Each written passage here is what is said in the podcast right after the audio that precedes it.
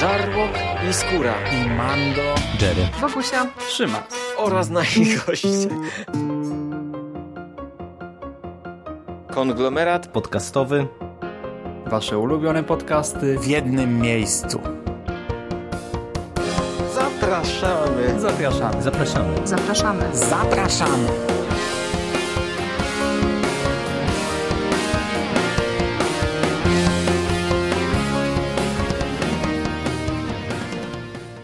Witamy w konglomeracie podcastowym, czyli na platformie, która zbiera wszystkie Wasze ulubione podcasty w jednym miejscu. Po tej stronie mikrofonu witają się z Wami Michał Dżeryrakowicz, cześć. Cześć. I Szymon Szymas-Sieśliński. Witam Was wszystkich. Spotykamy się w tym duecie, by omówić dla Was kolejny komiks, kolejny tytuł od wydawnictwa Nonstop Comics, a mianowicie kontynuację serii Głębia, tom trzeci pod, z podtytułem Wybrzeże gasnącego światła.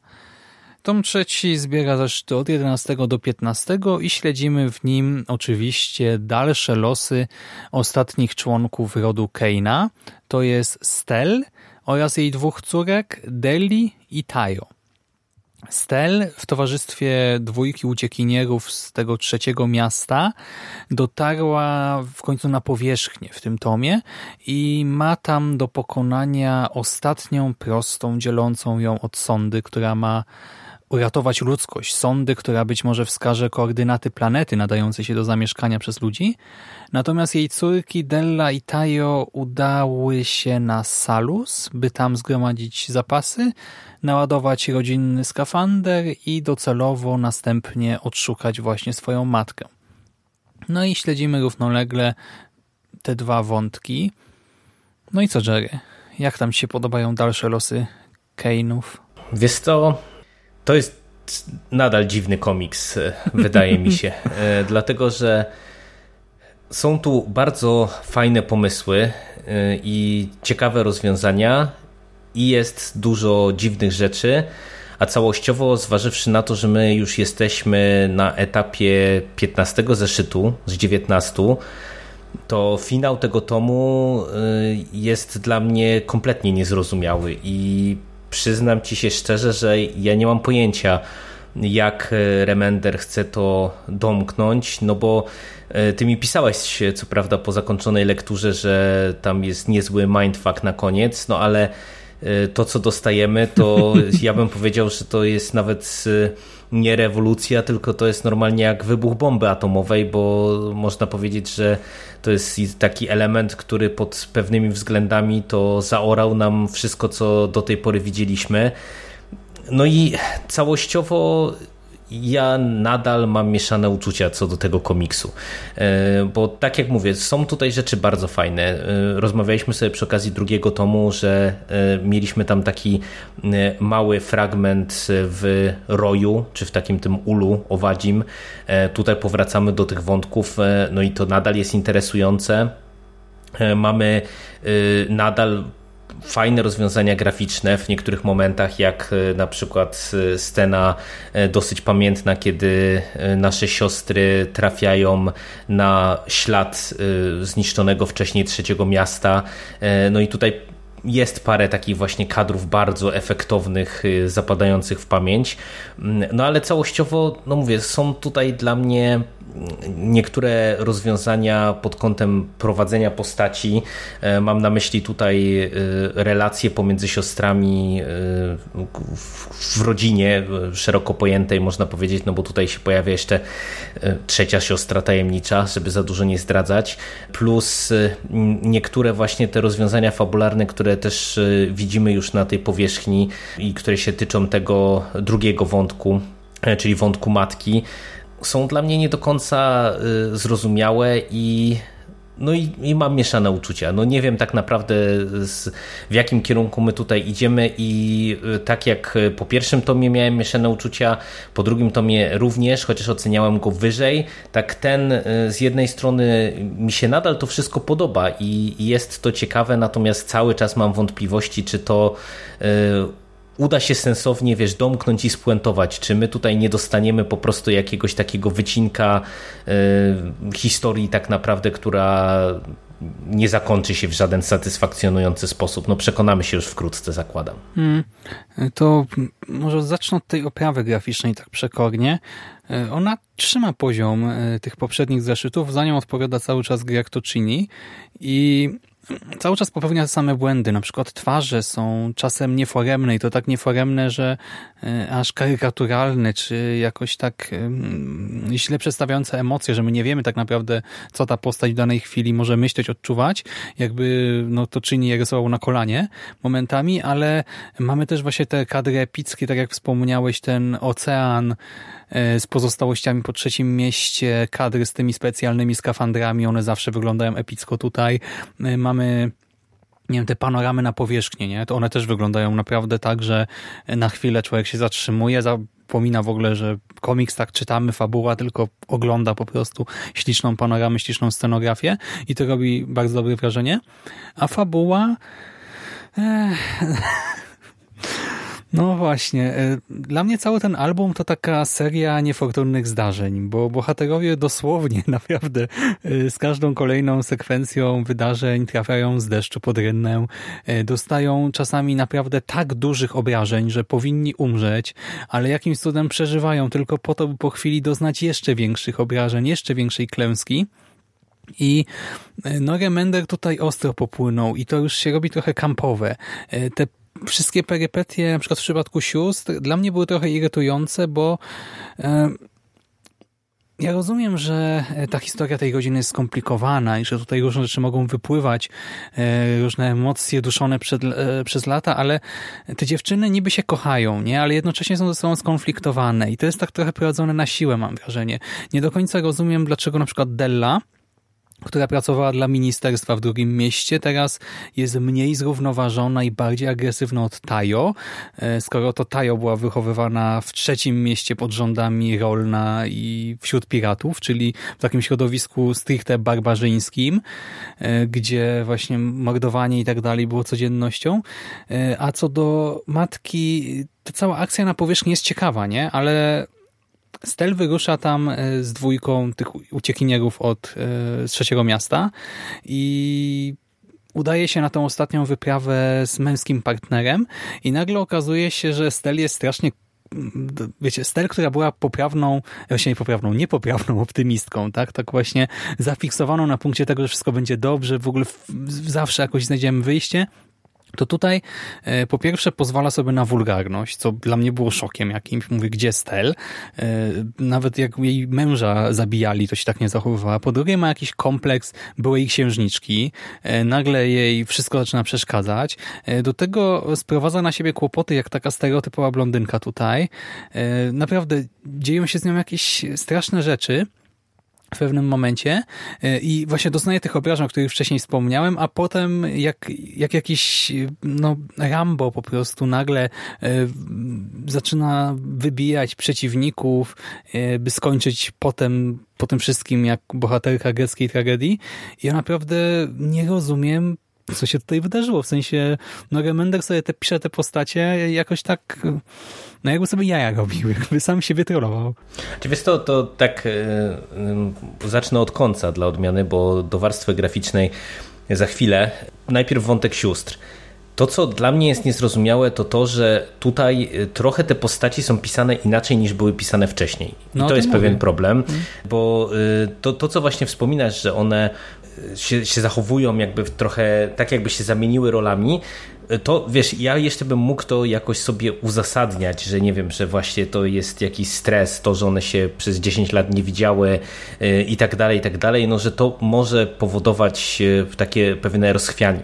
Natomiast to, co jest dla mnie kompletnie niezrozumiałe, to na przykład to, że e, Dell tak naprawdę tutaj jest nam trochę zaprezentowana, czy Remender nam sugeruje, że ona jest nadal jakby zindoktrynowana, jakby nadal wierzy w to, co jej tam wpajano w tym e, jej przez 10 lat rodzinnym mieście, co w sumie nie ma sensu, bo przecież widzieliśmy w drugim tomie tę postać, która buntowała się przeciwko temu wszystkiemu w dosyć wręcz momentami otwarty sposób.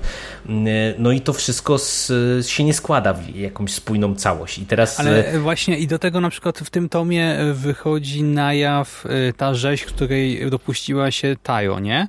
Ale mhm, przecież tak. Della też dopuściła się identycznej rzezi. Znaczy, okej, okay, trochę mniejszej, bo miała mniejsze możliwości, nie miała skafandra rodzinnego przy sobie, ale też wygrznęła spore grono osób i teraz jest oburzona tym, że Tajo dopuściła się czegoś podobnego, zresztą też ratując własne życie, czy tam życie matki, czy, no nie rozumiem w ogóle tutaj tych emocji bohaterek. No i to jest, ja się w pełni zgadzam, że to jest pisane dosyć e, dziwnie i w taki no na tyle niespójny sposób, że e, ja jako czytelnik e, momentami popadałem w konfuzję. Natomiast co do tego wątku na powierzchni, to tutaj ja w zasadzie nie mam nic do dodania, bo zgadzam się ze wszystkim. Poza tym, że mm, tutaj mamy dużo zwrotów akcji. I ta akcja na powierzchni jest e, z jednej strony interesująca i przez te zwroty akcji no my cały czas jesteśmy w napięciu, no bo wiesz, to jest e, kompletne nowum dla nas można powiedzieć, no bo jednak e, przez te dwa i pół albumu byliśmy pod wodą i nagle jesteśmy na powierzchni, która na okazuje się y, żyć własnym życiem. Tam nawet pada w jednym z kadrów coś takiego, że no, cały świat y, poszedł naprzód tak, jakby w ogóle ludzie nie istnieli.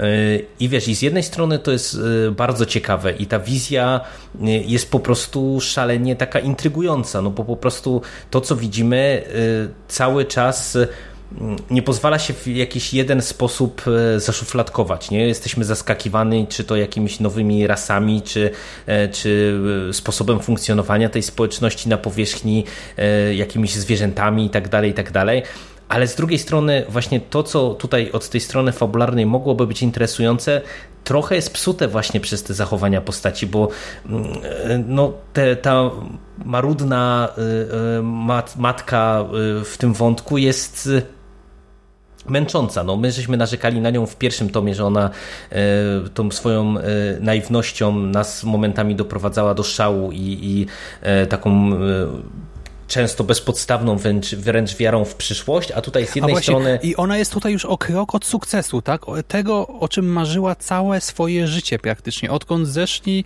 e, pod powierzchnię wód, ona marzyła tylko o tej chwili, gdy ta sonda się pojawi i gdy ta sonda będzie w zasięgu e, no, jej ręki, powiedzmy, tak, no, w jej zasięgu. I tutaj mhm ona właśnie będąc w tej sytuacji, e, w której powinna być skrajną optymistką, w końcu może być otwarcie, to ona właśnie jest taką no, irytującą właśnie babą, która po prostu, no właśnie, której wszystko przeszkadza, tak? Rąbek u spódnicy, no, baletnicy naszej, no. No, zgadza, zgadza się. E, a jeżeli chodzi o, o oprawę graficzną, tak e, wracając do tego, od czego ty z kolei zacząłeś, to ja akurat z tymi rysunkami to Chiniego mam cały czas delikatne problemy problemy, bo raz, że ten styl jest taki niedbały, ale można by się do tego e, w pewien sposób już przyzwyczaić po tych e, trzech tomach, ale e, na przykład ten ostatni zeszyt, 15, to on momentami jest rysowany jakby on go dosłownie rysował na kolanie. Te postacie się rozjeżdżają, są takie jakieś wydłużone, te twarze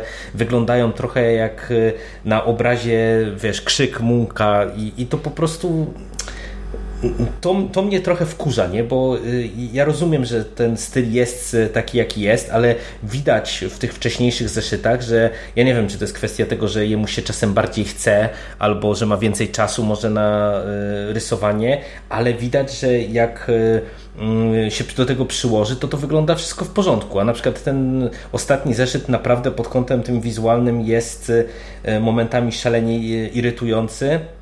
Natomiast e, tak jak żeśmy chwalili e, kolory e, w drugim tomie, bo jednak tutaj mamy kolory kolorystę tego samego, czyli Dave'a McKega, e, to moim zdaniem ta zmiana kolorysty to jest strzał w dziesiątkę, bo tutaj e, pod kątem właśnie tej kolorystyki to ten trzeci tom jest moim zdaniem super i, i widać, że tutaj kolorysta to jest naprawdę taki pełnoprawny twórca, nie? bo czasami kolorysta jest wręcz pomijany w ocenie albumów, no bo wiesz, no czasami to po prostu grafika jest, można powiedzieć, poprawna, czy taka dosyć zwyczajna, nie? A tutaj jednak widać, że to operowanie kolorystyką, w zależności od tego, e, z jakim światem akurat mamy do czynienia, czy gdzie jesteśmy, y, czy nawet co się dzieje, bo tutaj często ta kolorystyka trochę y, jakby współgra z emocjami, które powinniśmy odczuwać, to jest dla mnie super, także dla kolorysty duże brawa, dla rysownika już tak niekoniecznie. Mhm, znaczy, to rzeczywiście w sumie dobrze podkreśliłeś, bo to te kolory robią robotę, a e, ze Sunkami się w pełni zgadzam, tak? To jak rysowani są ludzie, to mi się nie podoba. Cała reszta, e, oceany, technologia, panoramy, tak, nie wiem, czy te plemiona e, no nieludzkie, to mi w miarę pasuje właśnie, bo tutaj poznajemy nowe oblicze tego świata przedstawionego, tak, tę powierzchnię i tam obserwujemy między innymi jak gdyby dwa plemiona takich humanoidalnych szczurów i owadów, czegoś ala pszczół i to plemię szczurów wygląda jeszcze dość zwyczajnie, ale mieszkańcy Ula, no oni prezentują się naprawdę niesamowicie. I to robi wrażenie. To też e, na przykład dla mnie, jako dla fana horroru, bo naprawdę te istoty są przerażające. Czuć, że to są no właśnie takie niebezpieczne, tylko że ogromne, silne, inteligentne owady. Taka szarańcza, nie? Z pojedynczymi, bardziej humanoidalnymi jednostkami. I może design e, tych jednostek no, nie jest jakoś super odkrywczy, tak? No bo to, to są owady w dużej mierze, ale efekt końcowy w tych barwach e, właśnie Dave'a McKay'a no to jest coś obrzydliwego i przerażającego i dla mnie za to ogromny kciuk w górę. Wiesz to, to jest właśnie jeden z tych elementów, które ja podkreślam jako te godne uwagi, bo dla mnie najciekawszą rzeczą, jeżeli chodzi o ten świat na powierzchni, jest to, że wiesz, często przy takiej postapokalipsie to y, mamy pusty. do czynienia z, ze znanym światem mimo wszystko. Tak jak mówisz, albo ma, mamy świat pusty, albo mamy taki klasyczny, zniszczony świat, nie wiem, po wojnie nuklearnej czy, czy czymś takim i po prostu mamy do czynienia z takim biednym, zacofanym światem, który się opiera o y, nam znaną technologię, tylko już zdegenerowaną. A tutaj ten świat jest zupełnie inny i to jest y, na swój sposób fascynujące, że tak naprawdę w paru ze zeszytach udało się Remenderowi wykreować świat, który naprawdę sprawia poczucie takiej obcości bijącej od niego, nie? że my po prostu obcujemy teoretycznie z Ziemią, a tak naprawdę no, widzimy świat, który jest skrajnie różny od tego, czego my byśmy się spodziewali. I to jest dla mnie naprawdę y, akurat bardzo pozytywny aspekt głębi jako całości. Mhm, no bo pamiętajmy, że tutaj ta nasza Ziemia została spalona przez Słońce całkowicie i dlatego też ta architektura, którą dostrzegamy, to jest architektura właśnie stworzona już przez te plemiona. Tak? Ona nie jest stricte ludzka, e, to nie jest, nie wiem, jakieś tam zniszczone, spalone Los Angeles, tylko e, właśnie struktura, znaczy to pewnie było wzorowane na jakiś właśnie mm, jak to ująć, no, tworach owadów czy czymś takim częściowo. Częściowo może zostało to wszystko wymyślone przez Toczyniego, no ale ostateczny efekt jest naprawdę godny uwagi. Przy czym no właśnie, no u mnie mam też w gruncie rzeczy mieszane uczucia, bo tak jak się to czytało mi całkiem przyjemnie, tak y, ja to teraz już, ja te początkowe tomy czytałem jednak z takim większym zaangażowaniem, tak w sensie doszukując się nomen omen głębi w tym wszystkim, nie? Skupiając się na tej filozofii głównej bohaterki, na tym, czy to będzie komiks o rozprawianiu się z depresją, o tym, e, czy warto żyć nadzieją, czy może jednak nadzieja jest e, zgubna, złudna, a ten trzeci tom ja czytałem jak akcyjniak, jak jakiś, nie wiem, takie średniej jakości superhero od Marvela czy DC. Po prostu leciałem przez te strony, widziałem te absurdalne zwroty akcji, bo naprawdę tutaj jest dwójka bohaterów, którzy powinni zginąć, tak? Doznali takich obrażeń, że to, to, no, oni nie powinni stać na nogach, ale nie, oni idą dalej jeszcze wycinają wrogów. I to wygląda tak źle, no to, to jest tak absurdalne. No, no, no Remender tworzy tę właśnie emocjonującą historię, ale jest niekonsekwentny w tym wszystkim, co robi. Do tego... Mm, no to wygląda efektownie, ale nie ma sensu. No, no właśnie, dla mnie y, tak y, nie będziemy się wchodzić w spoilery, ale a propos tego, że to nie ma sensu, to ja naprawdę jestem ciekaw, jak y, scenarzysta się wybroni z tego wszystkiego, no bo dla mnie to jest aż po prostu niewiarygodne, że my mamy przed sobą ostatni tom tej opowieści bo ja po prostu nie widzę w tej chwili, absolutnie nie widzę. Tak jak rozmawialiśmy sobie przy okazji drugiej odsłony, że w sumie to nadal nie wiemy w jakim kierunku to może pójść i, i sami jesteśmy ciekawi, zaintrygowani, co Remender nam zaserwuje. No i teraz z jednej strony on naprawdę nas zaskoczył, myślę, w tym trzecim tomie, no tylko, że po prostu to, co zaserwował w finale tego 15 zeszytu, to, to powoduje, że ja naprawdę no, na ten moment nie jestem w stanie sobie wyobrazić satysfakcjonującego zakończenia bo po prostu no, nie wierzę, nie wiem, co on by musiał zrobić w tych czterech zeszytach, żeby to się sensownie domknęło, żebyśmy dostali spójną, zamkniętą, sensowną całość. I y, niestety mam obawy takie, że albo dostaniemy tutaj jakąś Deus Ex Machinę, która y, wiesz. Y, spowoduje, że postaci, które są na skraju śmierci, na przykład nagle cudownie ożyją. Ale to, albo... to jest praktycznie pewne, Jerry, bo przecież Remender w ostatnim zeszycie tego tomu E, anulował cały główny wątek po prostu, tak? W sensie no, zniszczył tak go dosłownie. No, no zgadza się, ale wiesz, i, i z tej perspektywy, no to i, no, no nie wiem, no wyobrażasz sobie, co my tam dostaniemy w tym czwartym tomie? No nie wiem, no to jest do rozpisania tak naprawdę w czterech zeszytach.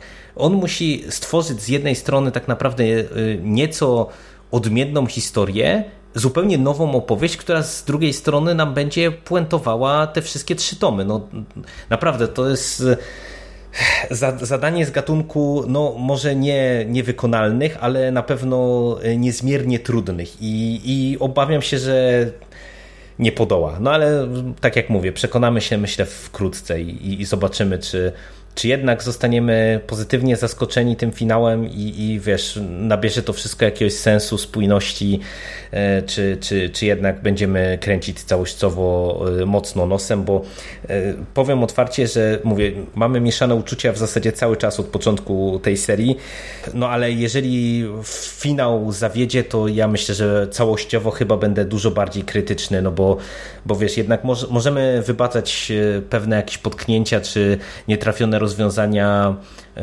w momencie, kiedy mamy do czynienia z taką serią ciągnącą się, bo można pewne rzeczy naprawić, ale, ale no już no nie ma co tu naprawiać. No już stoimy przed ścianą tak naprawdę, nie w tym momencie. Hmm.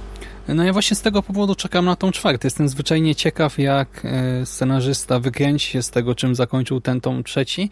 I ja się spodziewam absolutnie totalnej Deus Ex Machiny, bo e, tutaj właśnie został anulowany, całkowicie zniszczony dosłownie wątek główny, e, a do tego nagle pojawiła się postać, której wcześniej nie było nigdzie tutaj w tym świecie przedstawionym i to postać bardzo potężna i prawdopodobnie niezwykle istotna, która poprowadzi nas przez ten ostatni album. I e, no cóż, no zobaczymy. No ja już się nawet nie nastawiam na, wiesz, na głębie, nomen omen znowu, e, na te przemyślenia, o których pisał Remender we wstępie do pierwszego albumu, bo dla mnie to już zeszło na taką po prostu rozgrywkę, rozwałkę, mm, taką trochę szaloną, niekoniecznie konsekwentną, czasami głupawą i na to się nastawiam, no i dlatego pewnie ostateczny zawód, nawet jeżeli będzie, to nie aż tak duży, no ale zobaczymy, no. Nie no, będę jeszcze zobaczymy. wyrokował. Do, dokładnie tak. No dobrze, to co Jerry? Tutaj jest dość upalnie na tej powierzchni, to może wracamy do oceanu, co? Przydałoby się akurat dzisiaj. Hmm. Dobra, to dzięki serdeczne za rozmowę. Dzięki. A wam, kochani, życzymy przyjemnej lektury, odrobinę chłodu w te, w te sierpniowe dni i do następnego razu. Trzymajcie się. Cześć. Cześć.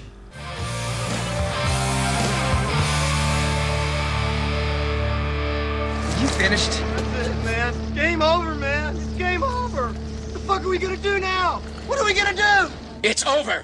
Nothing is over! Nothing! You just don't turn it off!